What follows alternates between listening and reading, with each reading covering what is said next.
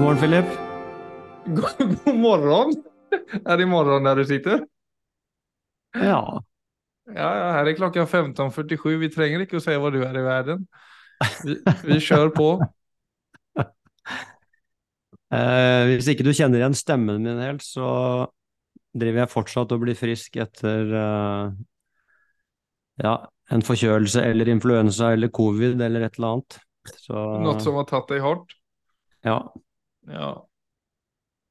Ja, det er surt. Da får du bruke stoiske eh, ferdigheter for å håndtere det. ja da, det går fint. Men eh, da, vet, da vet dere det. Ja. Vi har fått en, eh, et spørsmål eller en liten refleksjon fra en lytter. Mm. Jeg tenkte jeg skulle lese opp litt av den meldingen. Jeg liker å lytte til podkasten deres. Jeg liker refleksjonene og tankene som settes i sving i eget hode. Nå har jeg lyttet til de to siste, den om vennskap og den om forventning. Så jeg har gjort meg noen tanker rundt det å skape nye vennskap i voksen alder, eller kanskje rundt det å mislykkes. Nå er jeg en sosial person og jeg har solide vennskap, så opplevelsen er ikke krise, men den gjør allikevel vondt. Å åpne opp og tro at den andre tar en på alvor, men så var det kanskje ikke slik allikevel. Å velges vekk, det kjennes sårt og vondt. Jeg velges vekk, sånn er det bare. Ikke noe jeg kan gjøre med det, og for så vidt er det sikkert en bra ting. Jeg slipper å forholde meg til menneskene som velger meg vekk.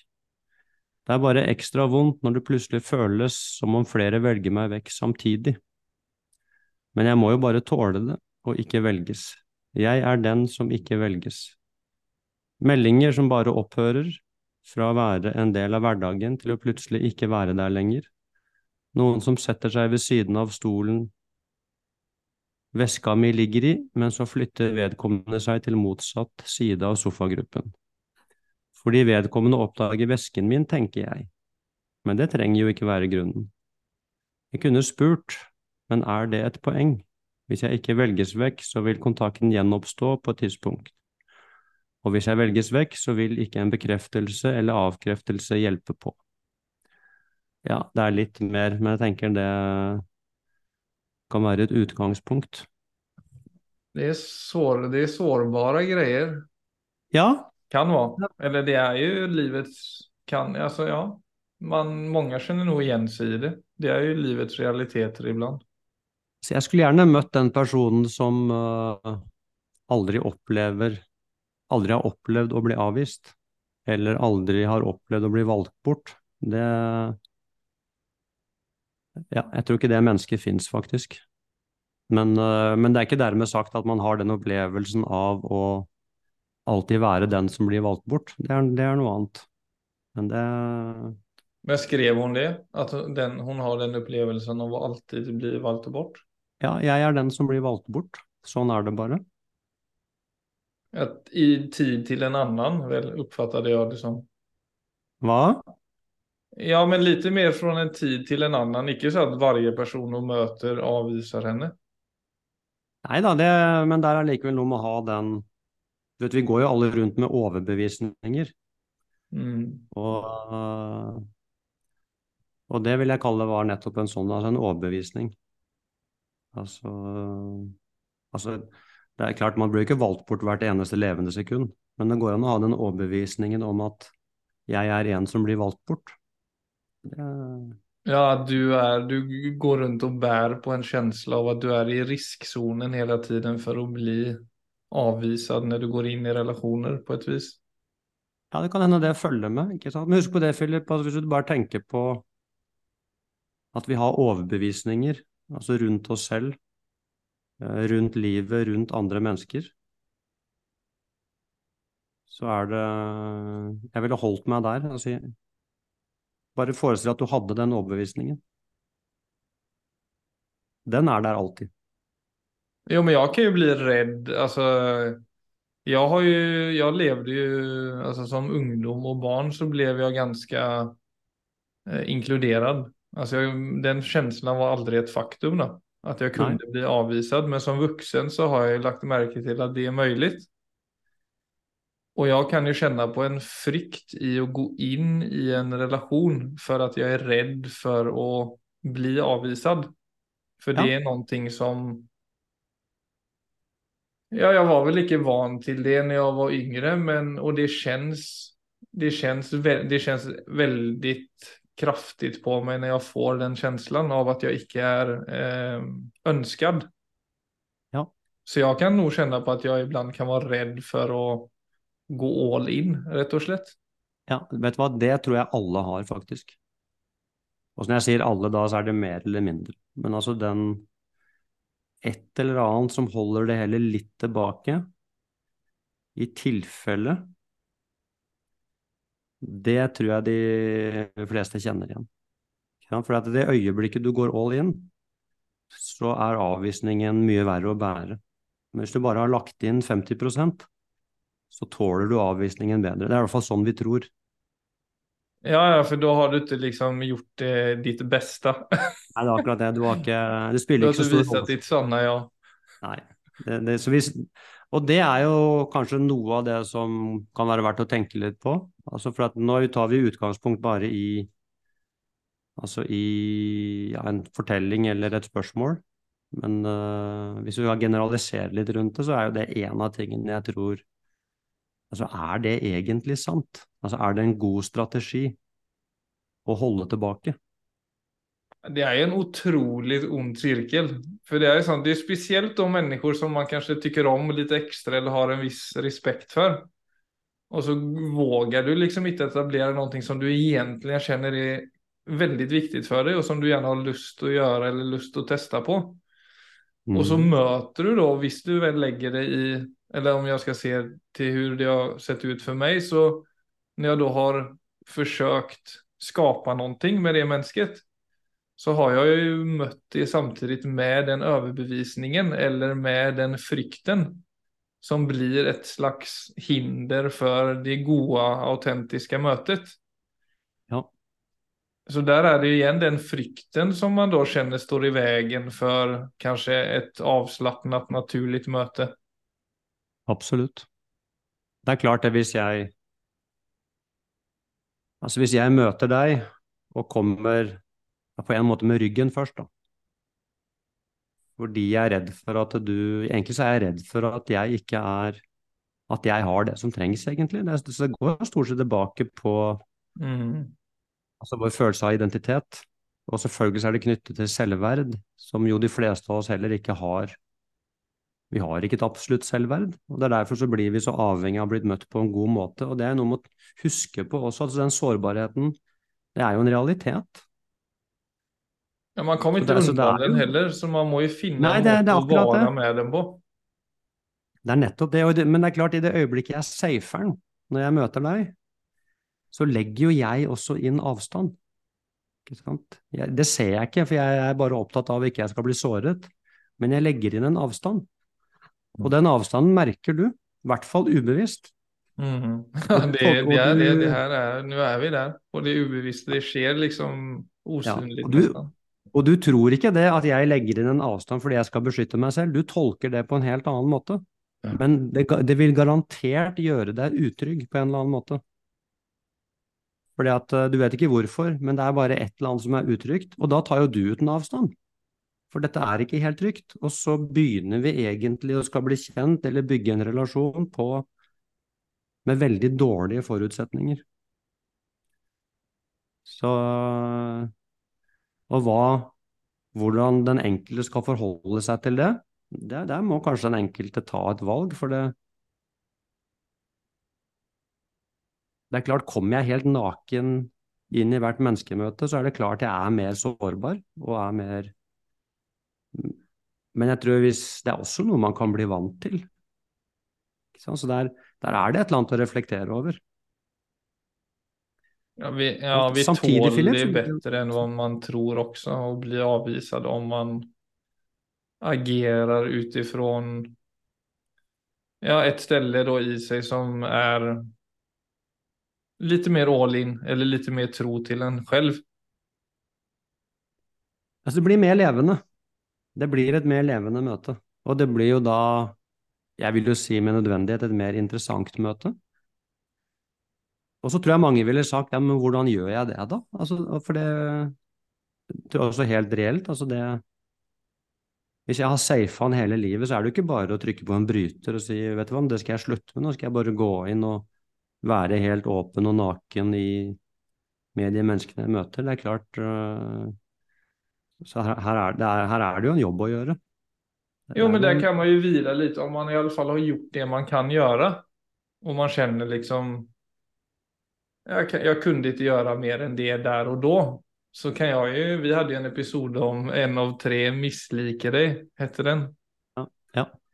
Det säger också någonting om att vi är inte alltid en naturlig match som alla människor som går på denna jord. Absolut. Och det vill alltid, oavsett hur god følelse du än måtte ha i det mötet med en annan, så kan det vara fel.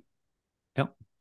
Men då har du i alla fall, då har du i alla fall gått inn der som deg, og ikke med en overbevisning om at det er noe feil på deg. Ja, for det er noe med å kunne skille, selvfølgelig. Den er jo veldig viktig. Det er uh, Jeg tror vi, hvis vi går tilbake til Hvis vi et øyeblikk nå går tilbake til uh, Altså den refleksjonen vi fikk, så er det klart uh, Altså det å oppleve seg valgt bort, og det å altså kjenne på den smerten Jeg regner med at det hun kanskje er ute etter, er hva, hva kan man gjøre da, egentlig? Altså, hva gjør man med for det Og det regner jeg altså med at alle vil Ja, hva gjør man egentlig når sånne ting skjer? Én ting er alt det vi innbiller oss, men når det faktisk skjer vonde ting i livet. Altså hvordan bruker man de verktøyene som vi snakker om da? Mm. Spør og, du meg? Nei da, jeg, jeg, spør oss egentlig. At vi kan uh, Og det første jeg tenkte på når jeg leste, leste uh, meldingen fra henne, det var uh, Altså, hva ville jeg sagt? Og det er jo like viktig å huske på, det er at hvis hun hadde sittet foran meg og fortalt dette, så tror jeg jeg med en gang ville visst hvor jeg skulle gå.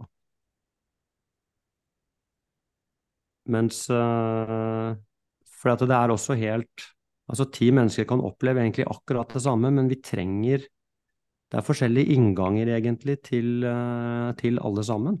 Så det er også noe med å huske på i dette greiene her, det er at det er ikke noe fasit, det er ikke noe one size fits all det er forskjellige innganger man kan bruke for å begynne å nøste opp i altså de vonde erfaringene våre. Så, så, jeg tror det første jeg ville gått jeg ville gått inn i på denne type ting, det er å det er å se altså hvordan hvordan snakker jeg til meg selv, altså hvordan er jeg med meg selv når den type vanskeligheter skjer?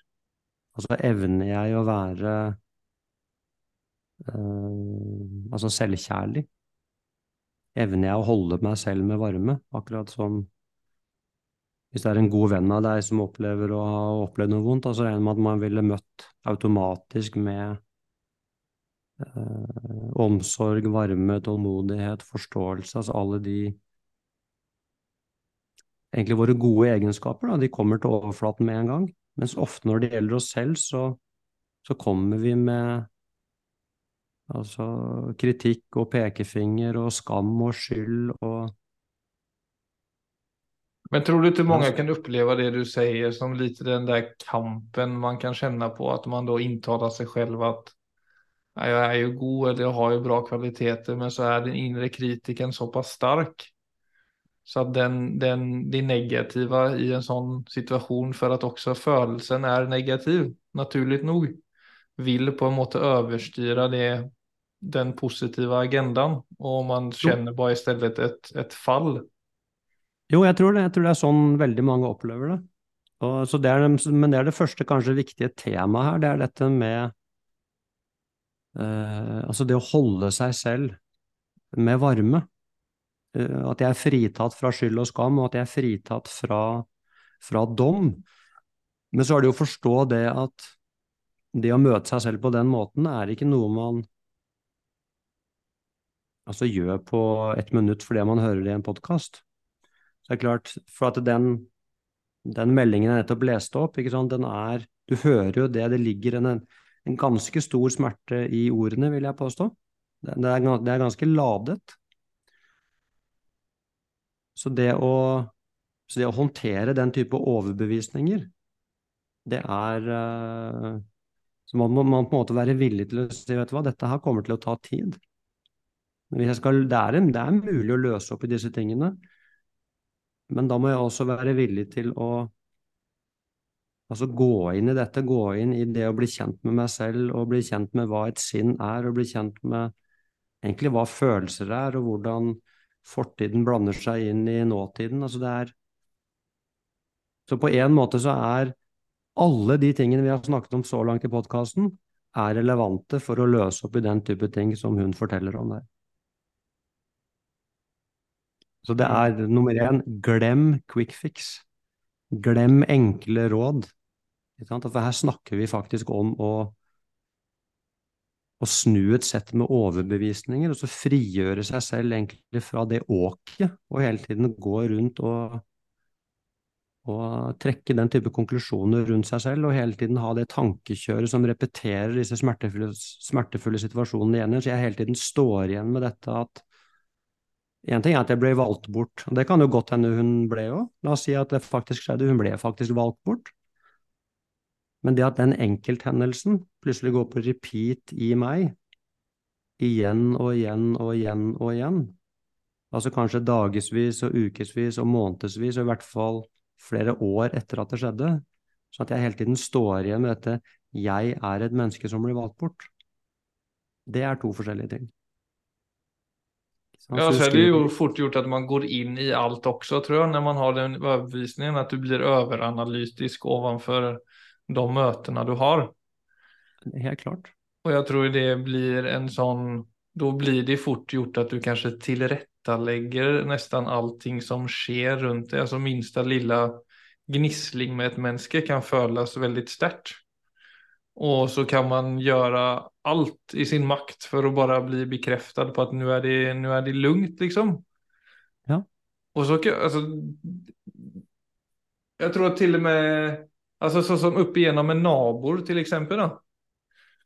At man ibland kan ha en eh, liten konflikt om noe, og så eh, det er klart at man skal ha god stemning mellan naboer, Men så må man også Jeg tror det er så viktig å ibland også kjenne på att det också är okej okay ibland att säga ifrån ting utan att sen liksom smöra över allting för att man bara söker en bekräftelse.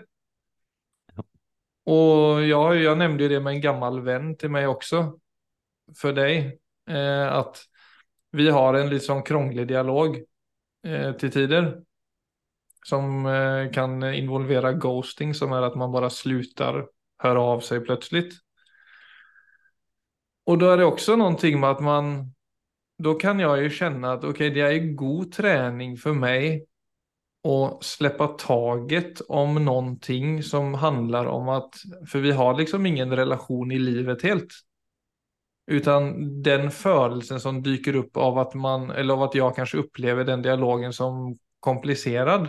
Det handlar mer om egen bekräftelse. Det handlar egentligen inte om att den här relationen i det faktiska livet är livsviktigt. Mm. Men det är nästan så man gör med alla människor man möter på sin väg ibland. Ja, i värsta fall, ja. För att man bara söker den där bekräftelsen.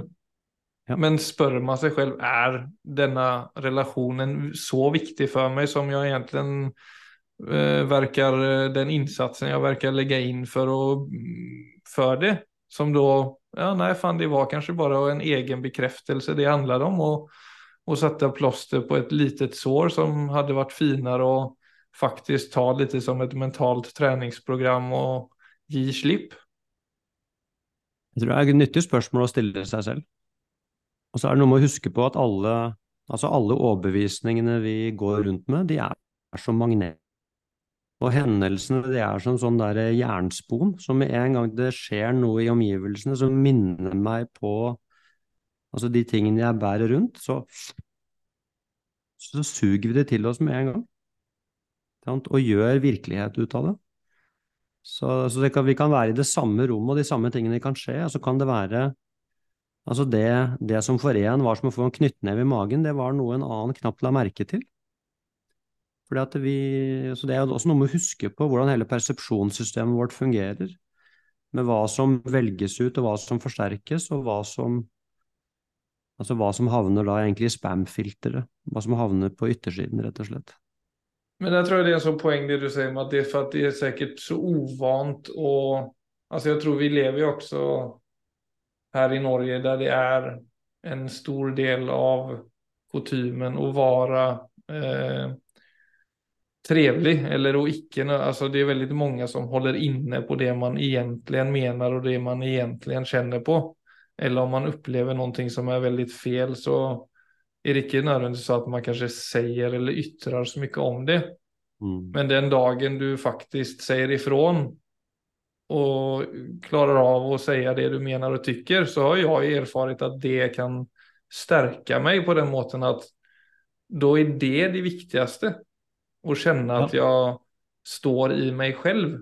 Og da om ja. andre ikke alltid applauderer det jeg gjør, det blir som du sier, eller det blekner litt mer og så får du perspektiv på at det var ikke så viktig. For det viktige var jo at jeg var meg selv, og der lå den styrken. Ja, det er helt sant, det. Det er jo Altså, det øyeblikket du opplever det du snakker om der, så har man jo avslørt altså ja, noe som kanskje er en form for en dyp hemmelighet, egentlig, nemlig med at uh, altså det er ingen andre som kan fylle opp det rommet. Det er kun når jeg anerkjenner meg selv, og at jeg også da gjør det i handling, ikke bare at jeg forteller meg, men at du virkelig gjør det, så fylles det opp. Og da da ordner det der sosialrommet, da ordner det seg litt selv, faktisk. Altså det Ja, jeg har følt at man kan stole litt på det. Jeg snakket med, snakket med en person for et par dager siden, Philip, som hadde, opp, som hadde opplevd noe lignende. Eh, og som hadde ja, hadde blitt, Han hadde ikke blitt avvist, men det hadde blitt begått han en, en stor urett. Og helt, helt konkret. Altså sånn, det var ikke bare innbilning, det hadde faktisk eh, skjedd.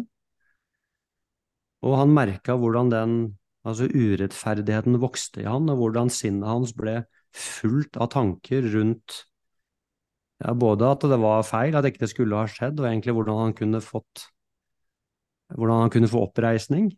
Og, mm. og så merket han bare hvordan det Altså, det fylte mer og mer, han ble så urolig, han ble så egentlig ulykkelig. Men det interessante som han gjorde, det var at han skjønte det at det her her må jeg gå inn og gjøre noe nytt. Fordi at mønsteret hans, det var å prøve å få hevn på en eller annen måte. Få tatt igjen. Akkurat som vi får oppreisning hvis vi får slått tilbake. Mm. Så det er jo det, det tror jeg de fleste kjenner igjen. Ja, hvis noen virkelig har begått meg en urett, så er det noe med meg som bare sier jeg får ikke fred før jeg får hevn. Mm.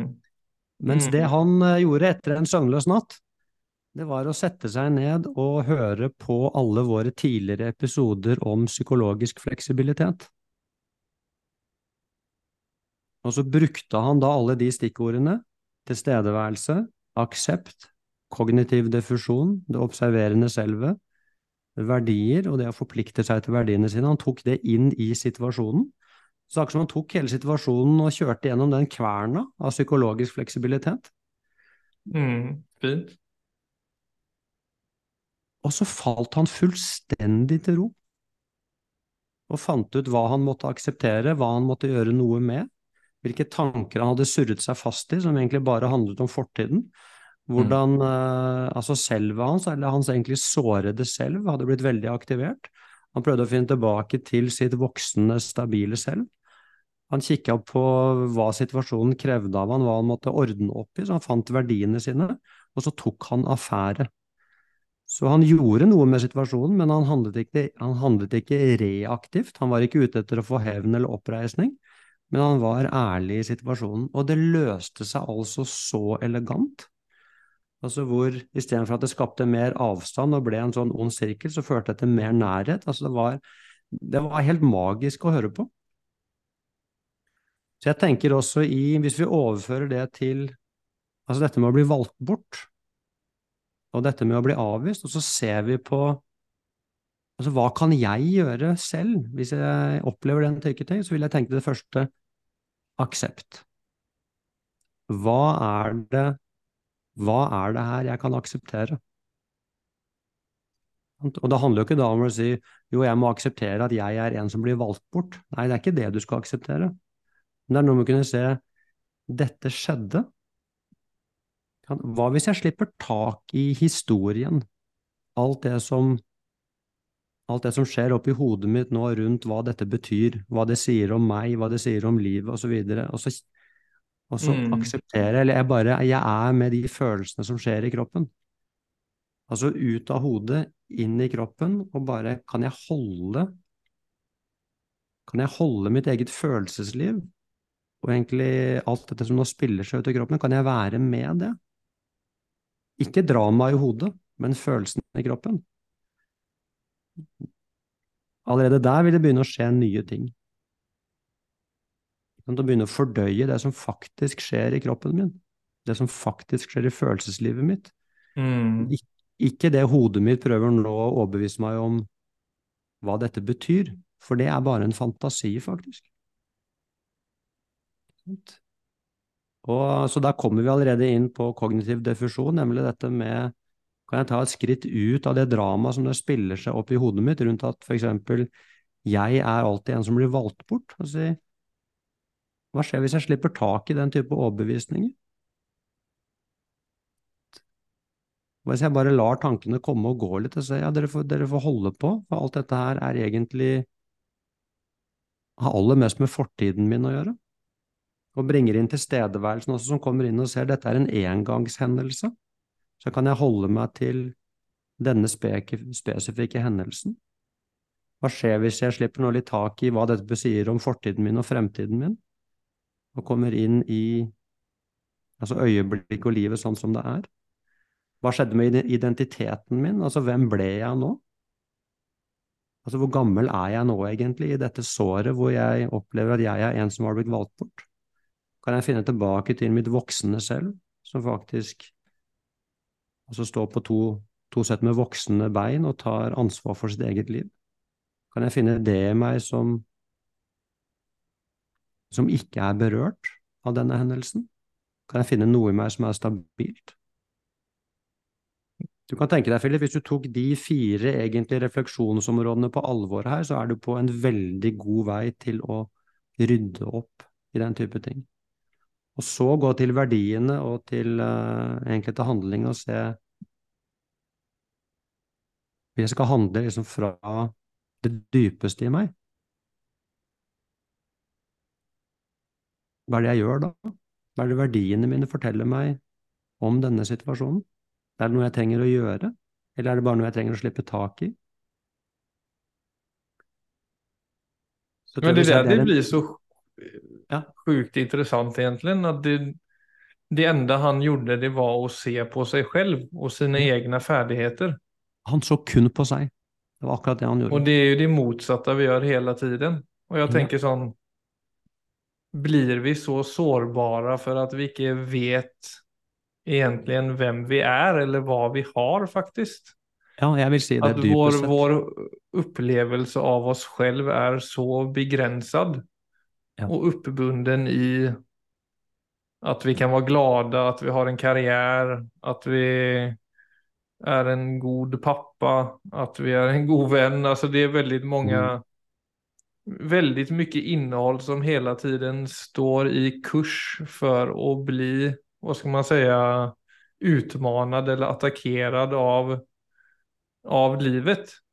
Men ja. det att träna psykologisk flexibilitet och du snackar om där, det er egentlig å styrke den kjernen som står i relation til sin karriere, til sine tanker, til sine følelser, til sine vennskaper. Altså både det som er internt og externt. Ja. Ja, det jeg kjenner direkte når du nevner psykologisk flexibilitet er jo også altså jeg, jeg kan jo ibland ha en god praksis med meg selv i det og til tider være helt ute av kurs och slita med å finne det setet eller den basen i meg selv som skal til for å håndtere krevende situasjoner. Mm. Men jeg merker jo det at problemet er også at jeg mange ganger er fake. Og det tror jeg gjelder egentlig for alle, og ikke nødvendigvis bevisst fake men at man ubevisst er fake. Ja. At man ikke helt finner den eh, auktoriteten man har i sig själv för att man, ja, man blir så eh, ryckt med av allt det som mm. sker runt omkring en hela tiden. Ja. Det er veldig fint at du sier, ikke sant? Og det er jo og det er veldig interessante da, det er jo i det øyeblikket jeg oppdager at jøss, nå er jeg fake, eller, eller der var jeg fake, og så kunne gå videre derfra og bruke akkurat det samme verktøyet og si noe så interessant. Altså, hvorfor tok jeg på meg den masken? Hva er det som fikk meg til å egentlig slippe tak i meg selv og gå inn i dette siderommet og spille denne rollen? Og så vil jeg jo se det at det var en usikkerhet. Ja, det var for å bli bekreftet. Ja, nettopp. Og da kunne jeg si ah, nå skjønner jeg. Istedenfor at jeg da skal slå løs på meg selv, så er det noe med å si ja, det er det som skjer. Og da er man, så da, akkurat som å følge et garnnøste hjem, så har man denne tråden, og så tar man bare og nøster opp litt etter litt etter litt etter litt, og følger nøstet, istedenfor å slå løs på meg selv. Og så prøve å finne ut av hva er det som skjer? Hvorfor gjør jeg det jeg gjør? Hva var det jeg ble tatt av i det øyeblikket jeg plutselig sa det eller gjorde det? Så vil jeg alltid se jeg ble tatt av en usikkerhet. Og når ja, du ser det. at den bekreftelsen blir også så, For den rollen man da potensielt sett går inn i for å bli bekreftet, Den har jo ikke fotfeste i, i ens, hva skal man kalla det, Riktige ja, eller ens bas. Så den blir jo borte efter fem sekunder. Og så er du på jakt efter neste bekreftelse, og du går inn i neste roll. Ja. Och det ja, betyder inte att man har alla de, man har ju många sidor och man är mångsidig som människa. Men värdin ligger ju i det att vara psykologisk flexibilitet och det att styrka den kärnan. Så jag tror ska man förstå det vi till del snackar om här så är det ju väldigt, tror jag den serien med psykologisk flexibilitet är väldigt förklarande på en god måte. Ja, klart. Det går an å komme til, altså husk på det, for det er derfor jeg dette sier jeg jo veldig ofte, men eh, jeg gjør jo det av en grunn, dette med at altså skal du ta de tingene vi snakker om her, og man kan jo høre på når du sier nei, det skjedde meg noe vondt, og så prøvde jeg det Viggo snakka om, men det funka ikke. Så kan du gi meg noe annet. Det er at disse tingene vi snakker om her, er det er egentlig å bruke livet til en form for selvrefleksjon. Så det er mm. ikke en quick fix. Altså det er bare sånn Det er mer et valg. Jeg kan velge å ta det fulle ansvaret for mitt eget liv. Og det innebærer også at når det skjer meg en urett, så tar jeg også ansvar på det ved å ved å, å se hva var det nå som satte i gang i meg? Hvordan kan jeg bruke dette også til å, å klargjøre mitt eget mønster? Og slippe tak i gamle sår og gammel virkelighet. Og det er kanskje noe av det vanskeligste man kan, kan gjøre, men eh, Jo, men det er også interessant. Det er jo litt å slippe taget om, For det är så mange av de mønstrene som henger igjen fra når man var barn og ungdom. Ja. Som jo for oss voksne ja, er veldig naturlig å begynne å slippe tag i. For å komme i kontakt med litt mer vitalitet og litt mer indre perspektiv og styrke. Men så lenge, de er, så lenge vi feeder oss eller egentligen omedvetet bara bli med dem gång på gång på gång på gång så vill ju vi hela tiden slita med å hantera livet egentligen. Ja, det, i min verden så er det sånn. Det er, så sortvitt er det faktisk. Ja, nu har jag ju födelsedag så ja. Gratulerer, jag ska få klippt denna podden till oss ja. alla som lyssnar. Er du, hvor gammel er du blitt? 25? Pluss 7. Er du på 30-tallet, Philip? Jeg er det. Jeg har forstått at det fins noe som heter en rynke. Det är, eh, det er spennende å oppleve livet på den andre siden. Ja, det er den andre siden av 30. Nei da. Nei, men det, det skal, jeg skal vel overleve det. Ja. Ja, Flott, nei, Philip. men eh, takk for i dag. I like måte.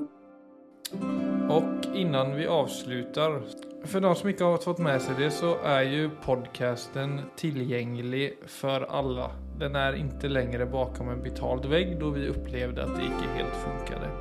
Så podcasten er tilgjengelig for alle, og det kommer den å fortsette med å være. Vi ses neste vecka.